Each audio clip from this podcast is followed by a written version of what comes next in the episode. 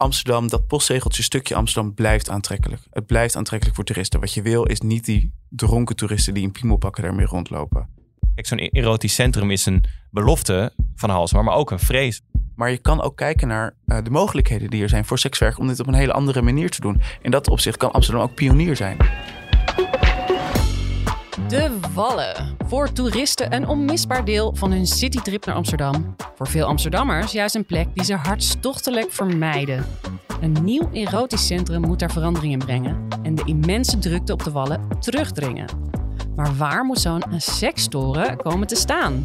En willen de sekswerkers wel weg van de Wallen? In Amsterdam Wereldstad, een podcast van het Parool, bespreken we een Amsterdams fenomeen en geven we antwoord op de vraag: hoe zit dat eigenlijk? Mijn naam is Lorianne van Gelder. Welkom. Fijn dat je weer luistert naar een nieuwe aflevering van Amsterdam Wereldstad. En deze week gaan we het hebben over het erotisch centrum dat in Amsterdam moet komen.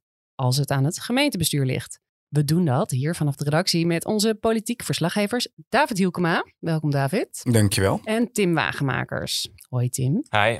David, we gaan het hebben ook over jouw reisje recent naar Antwerpen, naar een erotisch centrum daar. Um, daar was jij voor een groot artikel in het Parool. Klopt, ik liep daar rond in de druipende regen, pratend met bewoners, met de oud-burgemeester, die dat eigenlijk heeft opgezet, met uh, sekswerkers en met ondernemers. Oké, we gaan het er uitgebreid nog over hebben, maar dat is alvast even een inkijkje in misschien iets wat dus ook naar Amsterdam gaat komen. Ik ben wel heel erg benieuwd hoe dat eruit ziet. Um, maar verder om te beginnen, ja, wanneer is het eigenlijk bedacht dat er überhaupt een erotisch centrum moest komen? Dan gaan we terug even de tijd in dat Halsma burgemeester werd. Dat is 2018. En zij zei eigenlijk, we moeten iets gaan doen aan de aanpak binnenstad. De binnenstad moet veranderen, het is druk daar. Uh, en toen heeft ze gekeken naar het sekswerk onder andere. En daar heeft ze uh, vier opties op tafel gelegd om daar iets mee te gaan doen. Om de, de, wallen te veranderen, om het minder aantrekkelijk te maken voor de toeristen. Uh, een van de opties was om eigenlijk alle gordijnen te sluiten. Dus dat de ramen er wel blijven, maar dat de sekswerkers niet meer zichtbaar zijn. Een andere uh, optie was een prostitutiehotel waar sekswerkers een kamer kunnen huren. En, uh, en dan was er ook het erotische centrum. en die vraag heeft ze neergelegd bij de gemeenteraad van Amsterdam. In 2020 hebben ze besloten, we gaan voor het erotische centrum. En dat heeft ertoe geleid dat alles in werking is gezet. Ja, want de Wallen is eigenlijk al jaren gewoon veel te druk. Het wordt alleen maar drukker en drukker. Ja. De, de, sekswerkers uh, die daar achter ramen staan, die, die voelen zich enorm ja, bekeken als in een soort pretpark uh, door allemaal ja, dronken toeristen. Dus daar moet iets, moest iets aan gedaan worden. Toen heeft zij een plan bedacht. Eén daarvan is dus het erotisch centrum. Maar welke andere opties zijn er eigenlijk voorbij gekomen de afgelopen jaren om dit probleem aan te pakken? Halsma is de, de, de vierde burgemeester eigenlijk in rij die iets wil gaan doen met, uh, de, ja, met het sekswerk, de, de wallen, de, de prostitutie die er gaande is. Um, we hebben project 1012 gehad. Volgens mij gaat Tinder ook zo meteen wat meer over vertellen. En dat project 1012, dat staat voor het postcodegebied. Ja. Dat, dat, was dus een plan om de wallen uh, nee, op te schonen van mensenhandel en criminaliteit. Hoe werd dat destijds aangepakt? Nou, 1012 ontstond eigenlijk, want sinds 2000 is het legaal om uh, bordelen te openen in steden. En sindsdien um, is dat ook uh, flink gebeurd. Maar tegelijkertijd Terwijl aan de ene kant uh, de richting was richting legalisatie, was aan de andere kant ook wel dat zorgen toenamen over de structuren die daarachter zaten. En uh, 2007, 2008, Lodewijk Asscher was toen uh, wethouder, Job Cohen was burgemeester. was eigenlijk het plan om de, om de binnenstad terug te gaan veroveren en te ontdoen van mensenhandel en criminaliteit. Dat is eigenlijk de achtergrond van project 1012. dus waar het nu, hè, we begonnen over de overlast op te wallen. Nou, dat was toen de toerisme-discussie was toen ook nog niet zo hevig als nu. Uh, maar waar het toen echt vooral over ging, was uh, de achterliggende structuren achter mensenhandel. En ook wel de morele vraag: wat willen we eigenlijk als stad? Willen wij nog prostitutie op deze manier in de stad hebben? Het idee was, wat kunnen we nou doen? Want kijk, het, het grappig, Lodewijk Asscher had toen een beetje dezelfde rol als wethouder Soufiane Mabarki nu heeft. Namelijk de aanpak van de binnenstad. Het was niet per se dat hij ging over prostitutie. Maar wat hij wel dacht en wat hij kon doen, was kijken, kunnen we panden terugkopen? Kunnen we eigenlijk een manier verzinnen dat we uh, in plaats van prostitutie achter de ramen, um, chique horeca werd wel eens genoemd, of uh, mooie ateliers konden krijgen. En um, nou, daar werd toen naar gekeken. En in het begin waren ze er ook best wel hoopvol over, want het lukte ze toen om, er was toen een beroemde seksexploitant, uh, dikke Charles werd hij genoemd, Charles Geerts. Oh ja. En die had 18 panden en daar zaten 51 ramen in. En het lukte uiteindelijk, en hij, dat wordt ook wel beschreven, bijna als een soort ja, een moeilijke onderhandeling zoals je die uit films kent. Maar uiteindelijk kreeg ze die man zover om zijn panden te verkopen aan een eh, corporatie waar ook de gemeente aandeelhouder van was. Nou, en die Charles Geerts die liep weg met 25 miljoen euro. Die kreeg hij daarvoor. Maar eh, ik denk dat je toch wel kunt betogen dat Amsterdam daarmee 50 ramen en 18 panden terug heeft kunnen veroveren op de binnenstad. Maar toch wordt er vaak over ja, 10, 12 gesproken als een, een, een redelijk mislukt project. Ja, de Rekenkamer heeft een vernietigend rapport geschreven. Het is natuurlijk lastig, want de Rekenkamer heeft destijds gezegd... eh, ehm, de criminaliteit en eh, de, de, de mensenhandel... Die, waarom dit project is gestart onder Asscher en, en Cohen op de achtergrond... dat is eigenlijk niet verdwenen. Tegelijkertijd eh, zijn er wel eh 112 bordeelramen gesloten in het hele gebied... en ook 48 coffeeshops zijn verdwenen. Ik En bedoel, even voor mijn beeld, hoeveel zijn er dan nog in dat gebied? eh, 260.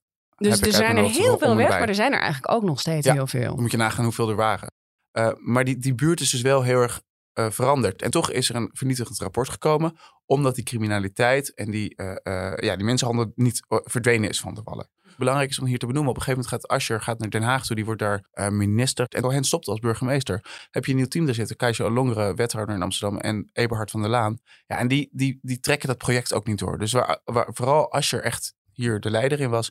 Was die bestuurlijke en de politieke steun er niet meer. En daarom is dat project ook heel erg uiteindelijk gefaald. Ja, dit soort projecten hangen toch ook wel vaak aan de lange adem van mensen die ervoor willen strijden. Zeker. Maar Tim, voor veel Amsterdammers is, zijn die ramen en, en de wallen juist onlosmakelijk met, met Amsterdam verbonden. Dus er wordt ook altijd wel een beetje zo naar gekeken van ja, ja, hoezo pakken we die ramen dan überhaupt aan? Dat hoort toch gewoon zo? Klopt dat beeld? Nou, het beeld klopt wel dat Amsterdammers het daar onlosmakelijk mee verbinden. Ik weet niet of mensen nog weten, maar een aantal jaar geleden is een kanon van Amsterdam gemaakt ook, hè, bijvoorbeeld. En er waren allemaal vensters, 50 vensters van wat is Amsterdam. En er werden de wallen met prostitutie ook genoemd door heel veel Amsterdammers. Dus die zien dat zo.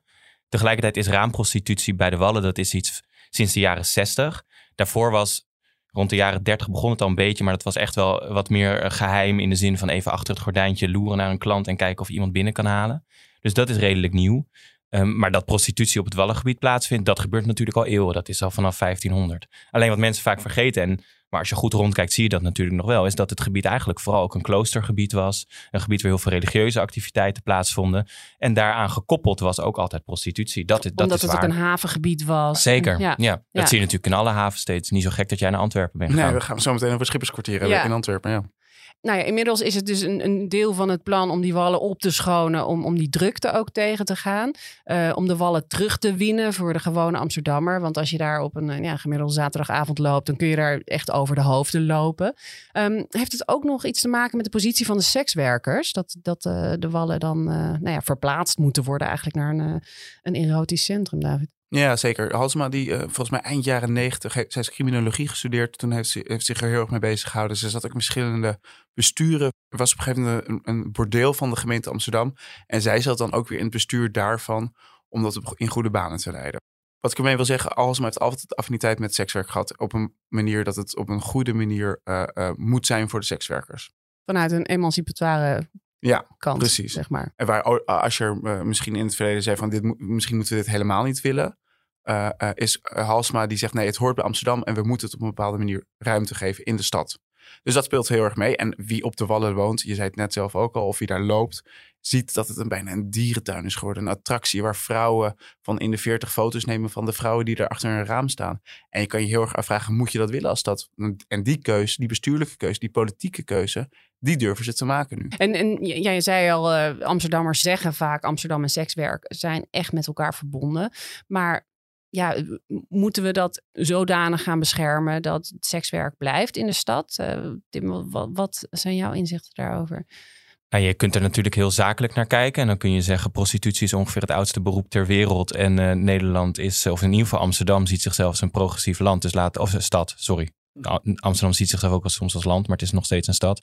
Ehm, eh, dus laten we zorgen dat we dat zo goed mogelijk kunnen doen. Eh, we hebben natuurlijk eh, regelgeving die het mogelijk heeft gemaakt om het te doen. Maar dat is een beetje het zakelijke antwoord van moeten we dat willen. Tegelijkertijd denk ik wel dat als je kijkt naar de politieke discussie, dat de toon veranderd is. Ik denk namelijk dat als je bijvoorbeeld Lodewijk Asscher en Halsema bij elkaar zet, dat ze helemaal niet zoveel verschillen van mening. Maar waar Asscher heel erg zat op de structuren daarachter en het soort van het harde laten zien en op die manier laten zien dat sekswerk niet een romantisch beeld is, heeft Halsema een duidelijk andere, in ieder geval retorisch, en ik denk dat ze dat zo voelt, toon waarbij ze zegt, we moeten de positie van de sekswerkers verbeteren. We moeten het zien als werk en kijken op wat voor manier we ze daarbij kunnen helpen. Dus ik denk dat uh, dat zijn een beetje verschillende kanten van dezelfde medaille. Maar in Amsterdam is het uitgangspunt eigenlijk altijd wel, op misschien het CDA na, uh, dat sekswerk erbij hoort in de stad. Ja. En, en nou ja, dan hebben we het dus de hele tijd over zo'n erotisch centrum uh, sinds die plannen zijn gepresenteerd. Wat moet ik me daar nou praktisch bij voorstellen, Tim? Een, een seks toren heb ik al voorbij horen ja, komen. Een, een seksflex. nou ja, het, het, wordt in ieder geval een, het moet een pand worden waar je aan de buitenkant niet goed kan zien wat daar binnen gebeurt. Dus niet uh, zoals ramen op te wallen. Uh, het moet honderd werkplekken krijgen. Het idee is dat je er binnen kan komen en dat je vervolgens op de, op de lagere verdiepingen een café, een nachtclub, horeca hebt. En dan op de hogere verdiepingen kan je de wandeling maken, zeg maar. Dus daar zijn de kamers waar je langs kan lopen. Dat is het idee. Het moet een... Uh, uh, tenminste, dat is de wens van Halsema. Het moet, een, uh, het moet geen loesje plek zijn. Het moet ook een plek zijn waar je kan komen om een biertje te drinken. Um, en het, het, het, moet ook een plek zijn waar in, in principe over wordt nagedacht om ook bijvoorbeeld een entree te heffen. Zodat je niet even snel komt kijken, maar daar ook echt even wat langer bent. En is het dan de bedoeling dat alle sekswerkers van de Wallen daar naartoe gaan? Nee, dat is in principe. Nou ja, kijk, dat is hetgene wat nog voor ligt. Maar feit is dat op dit moment gaat het om 100 werkplekken die daar gecreëerd moeten worden. En daaraan gekoppeld is vermindering van het aantal ramen op de wallen. Maar dat is nou echt zo'n politiek. Ja, moeilijke discussie momenteel. Heel plat geslagen, je hebt 360 kamers in Amsterdam waar sekswerkers op dit moment legaal kunnen werken. Met name GroenLinks en de, de, de echt D66, die willen niet dat dat minder wordt. Ja, dus, dus je hebt de wallen, je hebt ook nog het singelgebied en dan heb je en nog de pijp. de pijp. Ja, de, de Ruisdaalkade. Ja. Uh, maar de kern zit in, uh, op de Wallen, 260 kamers. Maar ook met uh, een, een seks, erotisch centrum zullen daar maar 100 kamers van afgaan vanaf de Wallen. Dus er blijven alsnog om en nabij 165 kamers op de Wallen. En dan nog, misschien wordt het dan alleen maar meer. Je kan ook weer die 100 kamers die worden verlaten door de sekswerkers die naar het erotisch centrum gaan. Die kan je weer vullen met nieuwe sekswerkers in ja, principe. dat hangt er ook weer vanaf. Lukt het de gemeente om die, die kamers die nu op de Wallen zitten uit te kopen? Dat dus is ook nog wel een plan. Dat is absoluut een juridische hobbel die ze over moeten. Ja, ja. En welke locaties zijn nu in beeld? Nou, er zijn drie locaties op dit moment in beeld. Twee daarvan zijn bij de RAI en één daarvan is uh, bij de NDSM-werf in Noord. In Noord is dat, daar heb je het Straatmuseum en restaurant Ijver. Ik weet niet of mensen het kennen. Dat zit op de hoek van zo'n grote loods. Daartussen ja. moet dat komen. Daar staat nu zo'n boog met graffiti. Dat is een beetje ja, de plek. en vaak worden daar uh, markten georganiseerd en festivals. Ja. ja. En graffiti is daar te zien. Zeker. En, en bij de RAI um, is het eigenlijk, ja, dat noemen ze de oksel van de afrit tussen Amstelpark en de Europa Boulevard. Of uh, pal naast het NH-hotel. In, in Zuid zijn dat duidelijk plekken waar je ook heel makkelijk van het OV gebruik kan maken. Hè? Dat is vlakbij het station bijvoorbeeld. Ja. ja. Dat was ook het idee daarachter, dat het in ieder geval goed bereikbaar was. Want er waren op een gegeven moment veel meer uh, plekken nog. Uh, nou ja, er waren, allerlei, er waren allerlei factoren in de running. Het ging over welke buurt kan dit goed aan. Het gaat om veiligheid, het ging om bereikbaarheid. Het ging om allemaal van dat soort zaken. En uiteindelijk heeft de, uh, is er een lijst gekomen met veel meer locaties. En heeft de gemeenteraad gevraagd, maak daar nou een shortlist van, van een paar locaties. En toen is uiteindelijk uh, zijn ze op deze drie locaties uitgekomen. Oh ja, en, en dan heb je die locaties. Wie, wie gaat die plek dan betalen? Die grond en, en, en überhaupt dat, uh, dat centrum daar? Nou, de grond is van de gemeente, dus da daar gaan zij over. Maar ze zoeken wel ondernemers, exploitanten die dat gaan bouwen en, en die daar ook in gaan zitten. En dus daar de gemeente, gaat dat niet zelf Nee, doen. dat hebben ze één keer eerder gedaan. Dat is niet goed, goed gegaan. Daar gaan ze hun vingers niet nog een keer aan branden. Ja, met My Red Light maar, ja, uh, klopt, ja, wilden ja, ze een, een, bordeel dat in ieder geval door de gemeente gerund en waarin de sekswerkers als ZZP'ers... Uh, Precies, en toen uiteindelijk was er ook mensenhandel en, en, en daar wilde de gemeente zich niet meer aan branden, want dan krijg je Amsterdam die, uh, die verantwoordelijk is voor mensenhandel en dat, dat wil je niet als gemeente. Maar, denk je, maar gaan ondernemers hun vingers daaraan branden? Ik bedoel, het is al zo'n beladen plek. Ja, je ziet het niet alleen in Amsterdam. Er zijn, uh, in België zie je het op veel plekken. Je ziet het in Duitsland. Um, uh, het is een gewaagde plek, maar je weet ook dat er veel toeristen of, of tenminste veel bezoekers op af gaan komen. En dat er uh, geld te verdienen is. En waar geld te verdienen is, daar, daar, daar, daar zijn ondernemers voor. Ja, ja, en het is natuurlijk ook niet zo dat ze nu een plan lanceren en dan denken laten we eens kijken wie er interesse in hebben. Nee. Ze hebben natuurlijk al gepolst van wat waar zou interesse voor zijn? En bijvoorbeeld een van de dingen die eruit gekomen is, want je zou ook kunnen zeggen, doe vijf kleinere erotische centra door de hele stad. Maar ze hebben al wel, als ze met ondernemers praten, gehoord van nee, maak er nou één plek van, want dat is beter te exploiteren. En het idee is dan dat verschillende ondernemers daarin zitten. Maar ik bedoel, dat het één pand wordt met honderd ramen, komt ook mede voort uit dat ze al geconsulteerd hebben van waar is interesse in. Ja, en zo'n verplaatsing van het sekswerk verandert ook heel veel voor de sekswerkers zelf. Hoe hebben zij de afgelopen tijd gereageerd op de plannen? Ja, wat zij zeggen is inderdaad, we, dit is een plek waar we graag zitten. Hier komen veel klanten, ze kennen ons. Uh, ze kunnen redelijk in anonimiteit naar ons toe komen. Uh, wat ik wel belangrijk vind in deze discussie, uh, zeker op de wallen, wat je ziet, is sekswerkers zijn gemiddeld 7,5 jaar sekswerker. Dan stoppen ze, dan gaan ze iets anders doen. Het is een makkelijke manier om veel geld te verdienen. Dus er wordt nu gesproken over een erotisch centrum. Nou ja, dat zal er komen, ik denk niet voor 2030, als het er al komt. de meeste sekswerkers die nu op de wallen staan, die zullen dit werk dan niet meer doen. Dus het gaat vooral over toekomstige sekswerkers. Alsnog neem je een inkomstenbron van ze af. En, te, en tegelijkertijd bepaal je wel als stad, als gemeente, uh, we gaan het op deze manier vormgeven. Ja. Sekswerkers op de Wallen inderdaad, die zeggen heel erg van we willen hier blijven. Uh, maar je hebt natuurlijk ook daarbuiten heb je nog uh, sekswerkers die thuis werken en die op zoek zijn naar een veilige werkplek. En daar is het heel lastig om met hun in contact te komen. Bijvoorbeeld Lau Muns, dat is een bekende activist die heel erg veel bezig is met de toekomst van sekswerk. Die zegt ook in principe als het aantal werkplekken toeneemt in de stad, zou een erotisch centrum ons kunnen helpen. Dus dat is dan ook nog de nuance over welke sekswerker heb je het precies. Maar dat de sekswerkers op de wallen graag op de wallen willen blijven, dat is wel dat een gegeven. Ja, ja.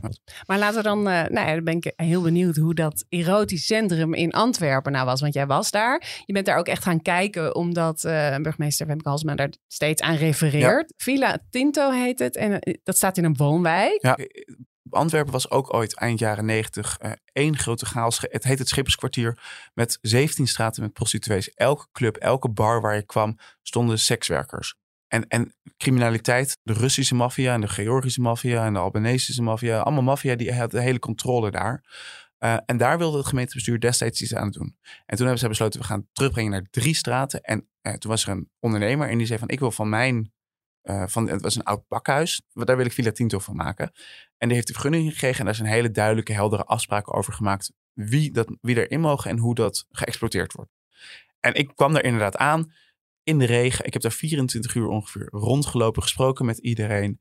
Uh, die je eigenlijk maar kan bedenken. Van ondernemers tot sekswerkers tot bezoekers. Um, en mijn beeld daarbij was uh, vrij grauw. Het, het, ja, grauw. Los van het weer. Los van het weer. Het, je, zag, je zag geen uh, gezellige toeristen die daar even langskwamen om, om uh, de kroeg in te gaan. Maar hoe ziet dat pand er alleen al uit? Het zit tussen de drie seksstraten in. Dus er zijn drie straten waar ook ramen zijn. En daar zit het tussenin. En je kan als twee, van twee kanten naar binnen en buiten lopen. Het is een vrij modern gebouw. Het is in 2005 opgeleverd. Uh, op beneden zitten dan 51 kamers um, uh, waar sekswerkers staan. Uh, daar, daar, kan je zien wat voor diensten ze aanbieden. Als een soort menukaartje Precies, ook? ja, zo kan je het zien. Um, en daarboven heb je woningen. Dus daarboven wonen gewoon mensen. En er zit ook een Airbnb. Uh, niet de sekswerkers? Niet de sekswerkers, nee. Het zijn gewoon mensen, bewoners, Belgen, die daar een, een appartement huren. Oké. Okay. Uh, dus het zit echt midden in een woonwijk. De supermarkt zit iets verderop. Er zit een paar kroegen in de buurt. Er zit dezelfde snackbar die hier in Amsterdam zit. En verderop zit de slager die hier al 60 jaar zit. En hoe vinden bewoners dat? Um, die zeggen uh, dat dit de veiligste buurt is van Antwerpen. Juist de veiligste, eigenlijk helemaal tegen je verwachting in. Ja, ja. Uh, er hangen camera's. En, de mensen die daar komen, die komen ook daar met een reden. Dus die gaan inderdaad naar de sekswerkers toe. En die komen daar niet om te feesten. Tot 2019 zat er een club, Club d'Anver. Bekend bij heel veel Nederlanders die daar ook naartoe gingen. Uh, en bewoners die zeiden van toen dat gesloten werd, dus nog voor de coronaperiode. Toen, dat, toen die club gesloten werd, uh, toen is het eigenlijk pas rustig geworden hier. Toen is de overlast verdwenen. En dat is ook misschien wel iets om Amsterdam mee rekening te houden. Want Tim zei het net al. In het erotisch centrum moet een club komen. Het moet aantrekkelijk worden ik snap dan wel de zorgen van bewoners die zeggen: dit wordt een plek waar heel veel toeristen op afkomen. En, ik, en ja. bij Villa Tinto is het echt puur sekswerk. Inmiddels wel. En ja. die, die, paar kroegen die hier zitten. Ja. ja dan is het eigenlijk alsof je gewoon boven 50 uh, fysiotherapeuten woont die, uh, nou ja, s'nachts doorwerken. bij wijze van spreken, ja. ja, En, het, en, en tegelijkertijd moet ook gezegd worden: het is niet allemaal mooi. een bewoner zei ook: we horen nog steeds vaak genoeg de alarmknop afgaan, die in de hele straat te horen is. Um, er zit altijd een beetje een duister randje aan. Precies. We kunnen het niet hier gaan ophemelen als, een werk, als werk dat. Het, het zit ook een stigma omheen, maar het is ook niet altijd mooi. Maar voor de Antwerpenaren was dit de best mogelijke oplossing? Ja. Okay. Ze hebben ook gekeken naar andere mogelijkheden, naar andere wijken. Het zit in de rosse buurt. Dus de, de, de buurtbewoners waren al lang blij dat de criminaliteit daar verdween. Uh, maar zij waren het dus eigenlijk al gewend. De mensen klopt, die. Ja. ja. dus dat is ook wel een verschil. Want in hoeverre is die situatie dan te vergelijken met Amsterdam? Goede vraag. Uh, ik denk dat je in, uh, wat je kan vergelijken is welke instanties zitten daar omheen. Dus er zitten goede zorginstanties omheen. Die, de politie controleert elke sekswerker die daar komt of het slachtoffer is van mensenhandel. En je kan kijken inderdaad hoe de handhaving daar geregeld is. Hoe kan het dat de politie daar zo vaak rondrijdt en dat er dus geen overlast is? Dat er weinig drugsdealers op straat staan. Ze staan er nog steeds, maar het zijn er weinig. Ja. En wat, wat, wat ik nog toe mag voegen, in het parool hebben we onlangs een opiniestuk gehad, ook van iemand die eigenlijk uh, zei van maak hier ook een kans van. Uh, ze is on onderzoeker naar sekswerk en zegt van het hoeft al die stigma's, dat klopt. Maar je kan ook kijken naar uh, de mogelijkheden die er zijn voor sekswerk om dit op een hele andere manier te doen. In dat opzicht kan Amsterdam ook pionier zijn. Ik wil het nu niet gaan promoten, maar voor, voor Halsma of voor, voor, voor maar de gemeente. Wat, wat was de suggestie dan? Praat meer met sekswerkers hierover? Of Maak een erotisch hele... centrum dat nieuw is. Dat een hele andere uh, vorm krijgt. Inderdaad, zonder die overlast, zonder die stigma's. Zonder dat dat type mensen op afkomt. Je, je, je staat aan het proces nul nu.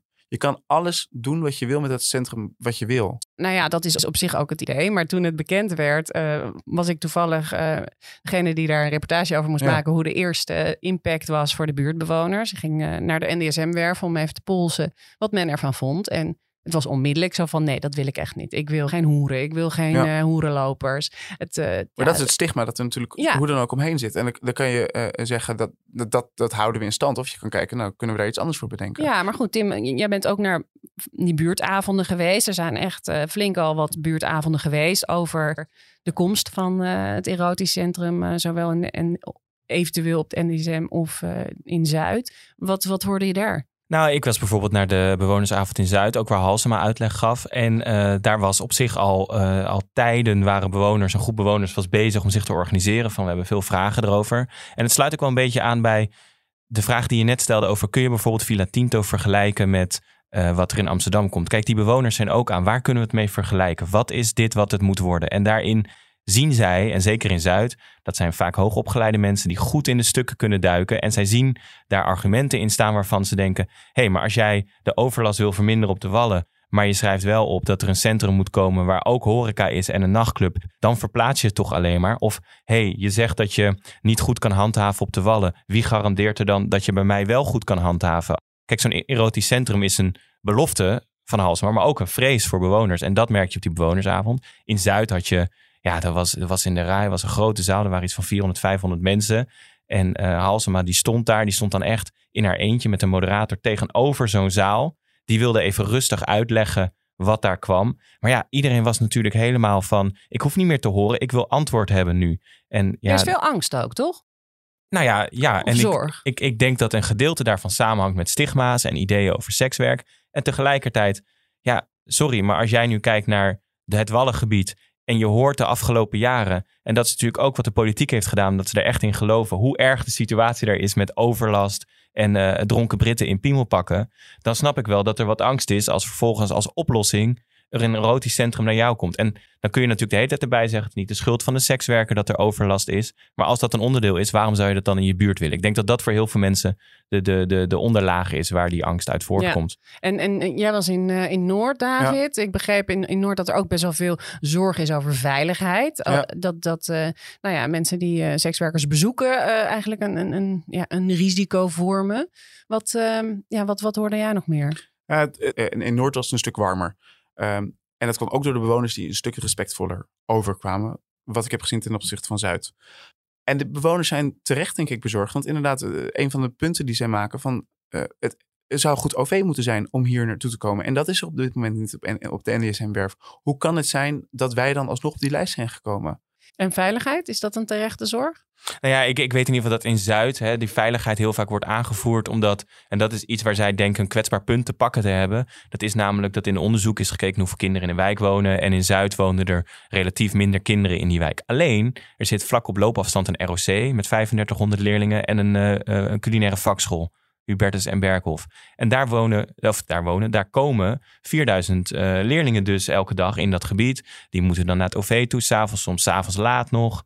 Uh, en daar is angst van, hey, het gaat niet om het sekswerk, maar de bezoeker die daarop afkomt. Um, um, ja, uh, wat gebeurt daar als hij geen prettige ervaring heeft gehad binnen of als hij lam is en daar maar, ja. maar is, is dat dus terecht angst? Is daar onderzoek naar nou gedaan? ja, dat is heel lastig te zeggen. Ik, ik, heb die onderzoeken niet gelezen, dus ik hoor inderdaad continu die angsten en je hebt het over de stigma's. Uh, waar we net ook over hadden, maar dat heb ik nog niet gevonden. In Noord was dat onlangs. Dat ook een politiemedewerker zei, ja, er zal criminaliteit op afkomen. Maar dat is niet een onderzoek. Dat is iemand die dat ervaart vanuit het werk dat hij heeft gedaan. Ja. Op de wallen. Is het nou ook zo dat die stadsdelen zich een beetje tegen elkaar op gaan zetten? Zo van, uh, ja, Zuid is uh, lekker goed georganiseerd, wat Tim eigenlijk al schetst. Uh, het zal wel in Noord komen, omdat wij niet... Je ziet het af, we zitten allebei in, in WhatsApp-groepen van zowel Noord als Zuid... waar het verzet gaande is tegen het erotisch Ehm, je ziet het af en toe voorbij komen, maar, maar, wat ze vooral zeggen, hoe dan ook geen erotisch centrum. Dus momenteel is het vooral richting de Stopra, richting Halsma, richting de burgemeester. Ehm, de partijen die dat, hier voorstander van zijn...